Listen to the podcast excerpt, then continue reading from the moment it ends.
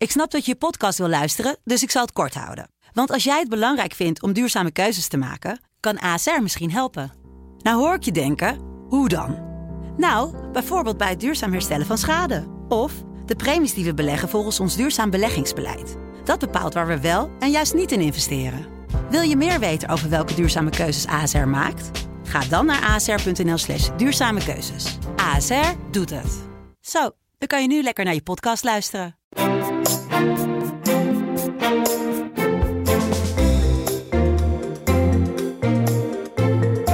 DFT Podcast met Herman Stam en Martin Visser. Dit is een speciale uitzending, want we gaan het uh, op afstand doen, om het zo te zeggen. Martin Visser uh, zit in Davos en dan hoop ik dat ik hem ook goed kan horen. Martin, ben je daar? Ja, ja, ik ben er zeker. Voor mij gaat het wel goed komen. Nou, hartstikke goed. Ook leuk om het een keer zo te doen. Normaal uh, nemen we, als ja. jij in Davos bent geweest, daarna een podcast op. Nu zitten we midden in de actualiteit. Want uh, ja. er, lo er, lopen nog van allerlei CEO's, wereldleiders. Uh, Trump is al vertrokken volgens mij. Maar wie zijn er eigenlijk nu nog? Nou ja, nu zijn het eigenlijk vooral nog CEO's. Je ziet de politici die komen, die komen maar kort. Uh, Mark Rutte en zijn team, die zitten uiteindelijk ook maar anderhalve dag. En de meeste CEO's die ik hier heb gesproken, die zijn er echt een hele week. Die komen op maandag binnen, sommige, zondagavond al. En vertrekken dan op vrijdagavond of zaterdag weer. Dus die CEO's maken er echt een hele week van. En uh, politici uh, komen erin en eruit, houden een speech, spreken heel veel mensen en zijn dan snel weer weg. Ja, ik moet blij zijn eigenlijk dat je nu in je appartement zit. Want het is niet zonder gevaar, als ik begreep. Op dag 1 was je al in een ijswak gestapt. ja, nee, ja, nou ja nee, het, het, het, het viel eigenlijk wel mee. Nee, dus er ligt dit jaar niet zo gek veel sneeuw. Dus ik was misschien een beetje overmoedig. Mm -hmm. uh, maar uh, onder het kleine beetje sneeuw dat er ligt, is er af en toe toch nog een stukje ijs. Dus ik ging inderdaad meteen op mijn plaat. Dus, uh, ja. dus het was niet helemaal lekker. Want ik kwam met bloedende vingers en een gat in mijn broek aan bij mijn eerste interview met Fijke Sibusma. Ja. Ik voelde me even weer een jong, jongetje van tien met, met een gat op zijn knie. Maar, uh, maar goed, ik heb het overleefd. Het zijn uh, ontberingen die je daar hebt. Uh, ja. wat, wat, me ook opviel was dat ongeveer je best gelezen bericht van deze week van je verslag vanuit Davos was dat Nederland een heel stuk buiten Davos moet zitten. Omdat ze het ja. onderkomen in Davos zelf niet kunnen betalen. Dus dat Mark Rutte elke dag 30 minuten in een busje zit met zijn medewerkers, toch? Ja, precies. Ja. Nee, dat is natuurlijk weer grappig. Ik bedoel, het gaat hier allemaal over grote thema's. Over klimaat en ongelijkheid in de wereld. Maar hoe, hoe Rutte erbij zit in welk hotel en zo, dat vinden mensen toch heel interessant. Ik zelf trouwens ook. Uh, uh, en het bleek dus inderdaad dat de, de, Nederlandse regeringsploeg, dat zijn Rutte, vier ministers en nog een aantal medewerkers, die zitten normaal gesproken al buiten Davos, maar qua overnachting in kloosters, dus het dorp waar ik ook zit. Mm -hmm. Maar ze hadden dit jaar pech, want uh, de, het hotel of het verblijf waar ze zaten was failliet. En toen hebben ze in december hals over kop iets anders moeten zoeken. En toen kwamen ze drie kwartier verderop uh, terecht. Dus ik, ik kwam Wopke Hoekstra op straat tegen. Die zat een beetje te klagen van nou, we moeten nog drie kwartier rijden. Hmm. Uh, en ze hebben ook nog een soort kantoortje, een werkplek voor de medewerkers in Davos. En dat was, dat was altijd wel een keurig hotel in Davos. Maar het hele hotel is gewoon afgehuurd door een groot bedrijf. de grote bedrijven nemen hier de boel echt helemaal over deze week. dus toen, toen hebben ze een heel klein winkelpandje gevonden. Dat, goed, van, van, de, van, de, van de dames van, van uh, Algemene Zaken moet ik zeggen dat het cute is. Dat het wel heel knus is. Ja. Maar het is inderdaad gewoon heel klein en hangt een beetje lullig. Een Nederlandse vlag in de etalage. Maar goed, uh, die Nederlandse ploeg is hier maar anderhalve dag. Dus dat overleven ze ook alweer. En uh, ja, als je voor de mooie locaties gaat, ja, dan is het echt hier knijt te duur. Dus dat zie je echt alleen maar de grote multinationals zie je dat doen. Mm -hmm. En sommige regeringen. Er kwam nog een Oekraïne-huis tegen, een Indonesië-huis. Dus sommige landen kiezen er wel degelijk voor om hier heel zichtbaar aanwezig te zijn. Voor Nederland is dat niet het allerbelangrijkste. Maar die kritiek die er dus altijd is over het is een groot elitefeestje, dat klopt dan wel op die manier? Nou ja, in die zin, in die zin wel ja. Ik denk, wat, wat ik dat een beetje het gevoel begin te krijgen is dat het succes, dat, dat, dat World Economic Forum ook wel uit moet kijken dat het niet een beetje ten onder gaat aan zijn eigen succes. En de, voor mij worst, ik, dus ik sprak ook een Nederlander die, die werkt voor het World Economic Forum. Daar werken inmiddels 700, 800 mensen voor, de, voor die organisatie. Uh, het is echt een grote club. O ooit opgericht uh, door een Duitser, als ik het goed heb? Ja, ja Klaus Schwab. Uh, hmm. bestaat nu, nu 50 jaar. En, en het is in de loop van de jaren steeds groter geworden. En het probleem is een beetje, het gaat allemaal om dat ene congres. Het enige congrescentrum waar talloze paneldiscussies zijn. Maar daarbuiten, in de rest van Davos, wordt het een heel groot commercieel feest. En inmiddels zijn er meer mensen in Davos die geen toegangspas hebben dan die wel een toegangspas hebben. Dus uh, het is een enorm netwerkverstijn geworden. Uh, en dat wordt jaar na jaar wordt het groter. En dat betekent dus dat bedrijven hier het allemaal overnemen. En dat de lokale middenstand uh, woekerprijzen vraagt. Mm. en, nou ja, en dat is voor de organisatie, ja, die willen natuurlijk liever niet, want die, die laten ook wetenschappers overkomen. Uh, en het, het, idee is van de, de, de, de World Economic Forum nodigt die mensen dan uit, bijvoorbeeld hoogleraren uit Amerika, of ik sprak zojuist iemand uit, uit, uit Dublin. Uh, en die mogen dan gratis naar binnen, maar die moeten wel het hotel zelf betalen. Maar die hotels zijn zo duur dat de universiteiten zeggen van ja, sorry, maar dat gaan we niet betalen. Dus, dus daar, daar zit de organisatie wel echt een beetje mee in de maag. Dat het ja. misschien iets te succesvol aan het worden is. Doe mezelf een beetje denken ook aan die, uh, de, de, de week van de Verenigde Naties in New York. En is ook de hele stad ontwricht. En vraag me altijd af, we moeten ze niet gewoon naar een andere kijken voor zoiets. Ook bij dit. Ja, van, ja. Nou ja, in die zin is Davos dus ook een beetje een gekke plek. Want het is natuurlijk niet zo makkelijk bereikbaar. Uh, dat, dat is juist ook wel ook de reden om het wel te doen. Om iedereen die hier is, al die CEO's en, en, en regeringsleiders, om die even uit hun dagelijkse routine te halen. Om ze even bij elkaar te verzamelen. En niet in een stad, maar gewoon in een Alpendorp. Dat je gewoon even, even echt fysiek in een andere omgeving bent. En het werkt ook wel, want uh, nou ja, er zijn nog steeds mensen die ervoor kiezen om zich te laten vervoeren door auto met chauffeur. Maar echt ver weg, de meeste CEO's, uh, die gaan gewoon wandelend van de ene afspraak naar de andere. Dus die zitten ook gewoon door de sneeuw en het ijs te glibberen en te glijden. Uh, dus dat geeft automatisch een heel, hele andere atmosfeer. Dus ik denk niet dat de World Economic Forum snel hier weg zal, zal willen. Want dat is nou juist wat het ook beoogt. Even weghalen uit de normale omgeving. Nou, vorig jaar vertelde hij me ook wel uh, over het hele pasjescircus. Hè? Want je hebt bepaalde kleuren geloof ik van je pasje waar je dan naar binnen mag bij welke sessie. Ja. Hoe, ja. hoe, hoe zit ja, dat precies? Wat voor pas heb jij bijvoorbeeld? Wat kan je zien? Ja, ik, heb, uh, ik ben bijna de laagste in rang. Maar die van mij is oranje. En dan, dat zal ook niet anders worden. Dat gaan de journalisten passen. Oh, dat is trouwens niet helemaal waar. Je ziet ook wel commentatoren van Financial Times of Wall Street Journal. Die zijn ook echt verbonden aan Wall Street Journal, zeker aan de World Economic Forum. en die, die leiden soms ook panels en dergelijke. Dat is natuurlijk wel, maar gewoon de verslaggevers. die hebben een, een, pasje waarmee je naar binnen mag. Maar dat is altijd nog één rang hoger dan de persvoorlichter. Want de gewone persvoorlichters mogen het pand niet in. Dus de CEO's lopen hier allemaal los rond. Dat is zalig natuurlijk voor een journalist. Ja, toch? zeker. Dat is dan eindelijk de juiste verhouding. En dat zeg ik altijd een beetje grappig tegen die woordvoerders. Ja, behalve weer als, als die bedrijven waar het om gaat weer strategic partner zijn van het, van het World Economic Forum. Bijvoorbeeld DSM en Philips. Dan mogen, die mogen een grote hoeveelheid naar binnen. Dus echt, ik vind het af en toe een beetje een soort padvinderij hier, eerlijk gezegd. Ik bedoel, ze doen erg aan rangen en standen. Inderdaad, allemaal, je hebt ook witte pasjes met, met een gouden gloed. En je hebt allemaal speltjes. En uh, het is belangrijk hoe vaak je bent geweest. En uh, ik begrijp, Cor van Zadelof, de, de, de vastgoedman, die was, mm. begrijp ik, al 40 keer hier geweest. Uh, nou, dan ben je echt wel, ik weet niet welke kleur pas die heeft, maar die geeft moeilijk licht ongeveer. Platin, platinum. Ja. ik, vind het, ik vind het eerlijk gezegd ook een beetje flauwekul. Bedoel, wat ik zeg, het is een beetje, het is een beetje scouting-achtig met al die rangen en standen en je, en je, je speltjes halen. En, dus, maar goed, ik mag in ieder geval naar binnen en een aantal sessies mag ik ook in. Dus ja. dat, dat vind ik wel heel wat. Want het waren er uh, 200 geloof ik hè, om en nabij. Uh, ik kan me voorstellen dat je ze niet allemaal gezien hebt. Maar uh, wat we vooraf hebben het er ook over gehad. Hè, van wat is het thema van het jaar? Wat, ja. wat, wat valt je op? Welke sessies zijn van belang geweest deze week? Nou ja, ik... Um, um, ja, ik probeer het mix te maken altijd tussen uh, zelf gesprekken voeren met, uh, met mensen en een aantal sessies aflopen. Nou, ik, ben natuurlijk, ik heb natuurlijk geluisterd naar de speech van Trump, omdat het gewoon voor het nieuws relevant is om te kijken wat hij zegt. Ja, en ik vond uh, qua ja, de, te, de, de, meeste mensen zeggen dat het thema klimaat is. En klimaat is heel nadrukkelijk, absoluut heel nadrukkelijk aanwezig. Um, maar ik heb eigenlijk een thema gekozen wat daar net een laag onder ligt, zeg maar. Dat is namelijk de manier waarop bedrijven bezig zijn met een invulling te geven aan hun maatschappelijke rol. En mm. ja, duurzaamheid en klimaat is daar dus een, een onderdeel van.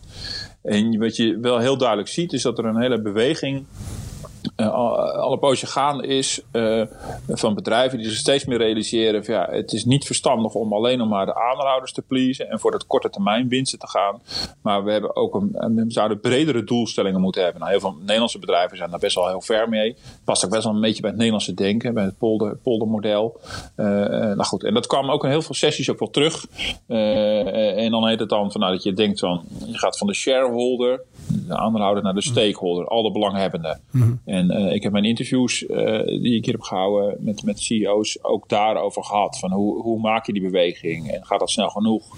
En hoe, hoe doet Europa het dan beter dan Amerika? En moet je dan nog niet je bonusstructuur aanpassen? Eh, en als je wil dat je ook naar andere dingen kijkt dan alleen maar korte termijn winst. Dus, dus dat was voor mij een belangrijk thema. Het sluit aan bij die oproep hè, van Mark Rutte van Zeker, kom uit die ja. Ivoren Toren en ga... Precies. ja. de- nou, wat wel interessant was dat ehm, eh, ehm, eh, vorig jaar heb ik eigenlijk ook min of meer hetzelfde thema gedaan. Maar toen zat het meer op die actualiteit van die hele naweven van die dividendbelasting. Toch wel, een, toch wel echt wel een soort trauma tussen politiek en bedrijfsleven. eh, is dat uiteindelijk geworden. eh, hoe, hoe dat allemaal gelopen is. Eh, en, en nu plaats ik het in, een in wat grotere trend die je gewoon wereldwijd al wel ziet. Amerikaanse bedrijven geven ook nu al aan dat zij ook wel de, de, de koers willen, willen, willen wijzigen. Grote beleggers, BlackRock is heel belangrijk erin. Dat is de grootste vermogensbeheerder van, van, van de wereld. Die Larry Fink, de baas ervan, die stuurt altijd ieder jaar eh, eh, een brief, de letter to the CEO's. En je ziet ook steeds meer dat hij ook meer die, nou ja, zeg maar die softe kant kiest. Eh, en dat is ook wel belangrijk, dat aandeelhouders eh, dat ook steunen, die, die, die, die beweging. En, oh ja, en wat ik interessant vond, was ik eh, in de gesprekken met de CEO's kreeg ik ook een beetje gevoel over waar die Nederlanders het nou met elkaar over hebben gehad. En dus, dus traditioneel is er een, ongeveer een uur dat ze bij elkaar samenkomen in, eh, in de, de DSM-tent. Je hebt ook een tent hier op, eh, in Davos.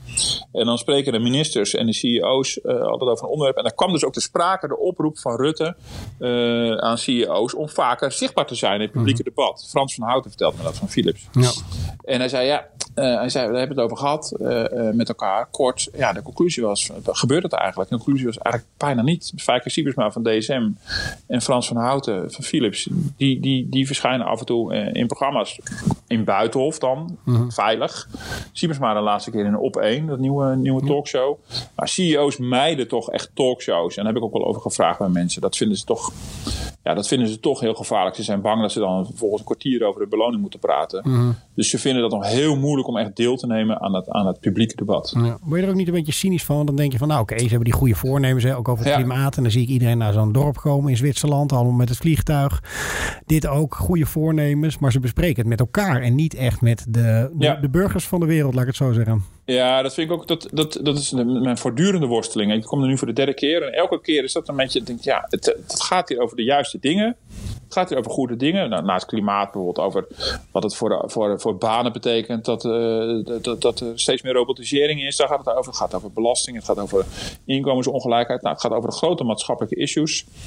Maar denk, ja, het, maar het is wel in een beslotenheid van een elitair feestje. En op dat elitefeestje worden dan weliswaar ook eh, kritische geluiden uitgenodigd. Er waren bijvoorbeeld twee Britse hoogleraren die helemaal bezig zijn met de maatschappelijke rol van bedrijven en best wel kritisch zijn richting bedrijven. Dus het is dus niet zo dat het alleen maar ons kent ons is. Maar ja, het, het, is wel, het, het staat wel ver af van de samenleving waarvoor ze het allemaal zeggen te doen. Dus, eh, eh, dus, eh, dus ja, dan zou je dus ook. Fijke Siebersma die zei dat wel, die durfde het wel aan hè, om, eh, om in, in, in Buitenhof eh, te gaan zitten. En, en dan, Hij heeft laatst. eh, Voor hem is het wel een wat anders, hè, want hij is natuurlijk wel eh, scheidend eh de CEO ja, zeker. Dus dat is ook weer makkelijker. Eh, zeker, dat is, dat is natuurlijk ook makkelijker. Eh, eh, maar je zou eigenlijk op een gegeven moment verwachten dat er een nieuwe generatie CEO's op staat. die het gewoon weer aandurft. om zich gewoon eh, te laten zien aan de buitenwereld. in het publieke debat. En dan ook gewoon uit te leggen wat ze doen. Van nou, we doen dit en dit en dit. eh, aan, aan, aan goede dingen. En kom erop met je kritische vragen. Eh, en dat, dat zou er wel bij moeten horen. Dat je ook gewoon verantwoording eh, durft af te leggen. En ik denk dat het best wel goede. Ik, ben, ik, ik probeer ook te voorkomen dat ik alleen maar cynisch hier naar kijk. Hoor, want dat zou denk ik niet terecht zijn. Eh, Ja. dat, dat, dat, is, dat is weer de andere kant. Dus, is, maar dat is wel steeds een mixed feeling die ik hier heb. Ja, ik heb het ook een beetje als je ziet. Weet je, er is natuurlijk enorm veel aandacht voor eh, eh, Greta uit eh, de Zweden, die daar overal Ja. gefilmd wordt. En denk van ja, maar waar is dan het geluid van mensen die zich zorg maken of die te kosten bij hun komen liggen voor eh, klimaatverandering tegen te gaan? Ja, Weet je? ja nee, zeker. Nou, daar had ik met Wopke Hoekstra, minister van Financiën, ook even over. En die zei ook van ja, het is allemaal leuk en aardig. Heel goed dat die bedrijven allemaal met, met, eh, met, met eh, duurzaamheid bezig zijn. Maar eh, ja, wij zijn er ook voor om te zorgen dat het allemaal behapbaar is voor mensen. Eh, dus toen vroeg ik ook van ja, dat is ook een les die, die het kabinet zichzelf kan aantrekken. Nou, dat gaf hij volmondig toe. Bedoel, ze kijken niet helemaal met tevredenheid terug hoe dat met het klimaatakkoord vorig jaar is, is gelopen. Dus dat is ook een harde les voor het, voor het kabinet geweest. Ja, iedereen moet het wel kunnen meemaken. En de vraag is wie gaat het betalen? En, dus dat zijn, dat zijn natuurlijk reële punten. En je, je, je, loopt het risico dat je hier in een soort We Are the World mm. stemming komt. en dat het ook wel echt heel ver afstaat van het leven van alle dag. En de zorgen die mensen hebben. Maar ik vind het wel interessant om te zien dat CEO's wel bezig zijn met die zorgen. En dan vraag ik dan ook naar, wat is je analyse van wat er nou gaande is. En hebben toch veel CEO's toch best wel gevoel voor, voor de onzekerheden waar heel veel mensen mee te maken hebben. Maar ja, dat kan je nu tegen mij vertellen. Maar uh, uh, dat is alvast stap 1. Dat staat het in ieder geval in, in, in, in de grootste krant van Nederland. Maar uh, dat moet je het hele jaar door doen op allerlei podia. En, en, en, laten zien dat je, dat, je, dat je daar oog voor hebt. En daar vervolgens ook naar handelen. Ik bedoel, je kan wel iets zeggen over de, de inkomensongelijkheid. Maar betekent dat ook dat je je bonussen aanpast, bijvoorbeeld. Je kan wel iets zeggen over onzeker werk. Maar betekent dan ook dat je minder flexbaantjes uh, aanbiedt. Ik bedoel, dat. Ik bedoel, dus we willen het in de praktijk ook wel zien. Ja. Uh, tot slot, je noemde het al even Donald Trump. Dan staat volgens mij het hele dorp helemaal op zijn kop als hij ja. binnenkomt. Ja. Ja. Die speech van hem, hoe, hoe valt zoiets? Hè? Want ik heb er delen van gezien waarin hij volgens mij Amerika het beste land van het hele universum noemt. Ja, ja, ja. Best place on earth. Ja. Wordt er lang over nagepraat? Hoe, hoe, valt zo? Nou, wat je, wat je heel erg merkt is hij heeft weinig vrienden hier. Het is ook bijzonder dat hij voor de tweede keer komt. En hij heeft een hekel aan zo'n elitefeestje. Maar hij vindt het blijkbaar toch het podium interessant. En heeft dan uh, de volgende dag ook nog gewoon allerlei afspraken met allerlei Amerikaanse en Europese bedrijven. Uh, doet ook gewoon een Amerika-promotie. Prima. Rutte doet een Nederland-promotie. Dus dat hoort er allemaal bij. Maar je merkt uh, dat ook bij grote bedrijven, die, die zijn, ja, de CEO's daarvan, die zijn niet echt heel erg enthousiast over Trump. Hm. Uh, en uh, verder zo'n. zo'n want zie je, want dat, wilde ik je eigenlijk vragen. Zie je geen ja. verschuiving, omdat Amerika dat natuurlijk e economisch hartstikke goed doet, eigenlijk, ja. uh, over het algemeen genomen. Dat mm -hmm. ze daar ook niet inzien van, nou, die man die heeft het aardig voor elkaar in zijn land inmiddels, economisch gezien. Nou, nee, want de manier waarop hij dat doet wordt zo slecht gepruimd. Uh, uh, en uh, het, is, het is ook heel raar dat. er zijn dus allerlei grote bedrijven druk bezig om te bedenken van hoe kunnen wij zorgen dat we duurzamer zijn, dat we een CO2-reductie doen. Bedrijven willen zich ook houden aan de klimaatafspraken. Ja, dan moeten ze luisteren naar de Amerikaanse president die, die het klimaatakkoord van Parijs in de prullenbak heeft gegooid. Ja, dat, dat staat zo haaks op elkaar. Uh, het, het, het, het, het, tegengeluid, grappig genoeg, kwam juist van premier Rutte.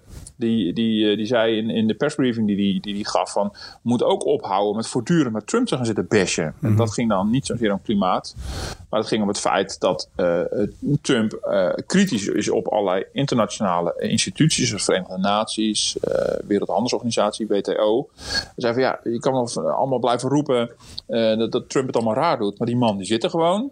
En laten we zijn kritiek nu ook gebruiken om ook gewoon uh, bijvoorbeeld zulke clubs te, uh, internationaal te hervormen. De VN en de WTO. Dat vond ik ook wel interessant. Van, mm. je kan wel blijven hangen in, in allemaal klagen over die man.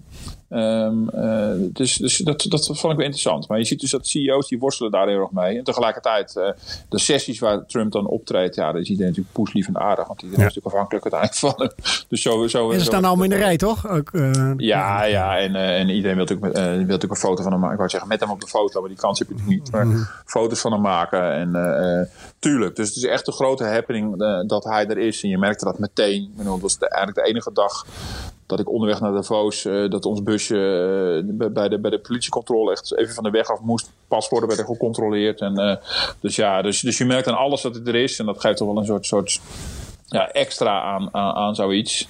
Maar ja, de CEO's kunnen moeilijk uit de voeten met zijn, met zijn manier van communiceren en presenteren. Het mm. staat ook een beetje haaks op dat We Are The World gevoel, uh, zoals ik het net noemde. Ja, hey, en nu, uh, hoe kom je daar uh, weg? Is het nu lange rijden bij het vliegveld? hoe gaat dat? Nou, dat gaat, het, is allemaal, het is echt super strak georganiseerd. Het is ongelooflijk. Er zijn, er zijn hier 3000 deelnemers. In het hele dorp lopen 7000 mensen rond.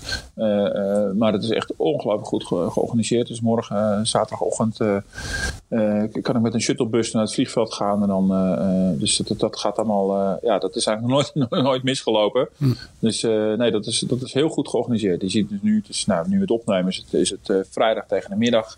En dan begint het een beetje op zijn op einde te lopen. Sommige mensen gaan vanmiddag weg, anderen vanavond of morgenochtend. Hm. En nee, dat is punklich en grunklich op zijn Zwitsers. Heel goed. Nou, pas op voor de ijswakker zou ik zeggen, ook op de terug. Ja, ja, ja. en we zien je maandag weer hier op de redactie. Uh, dankjewel ja. uh, Martin en succes daar. Jo, graag gedaan.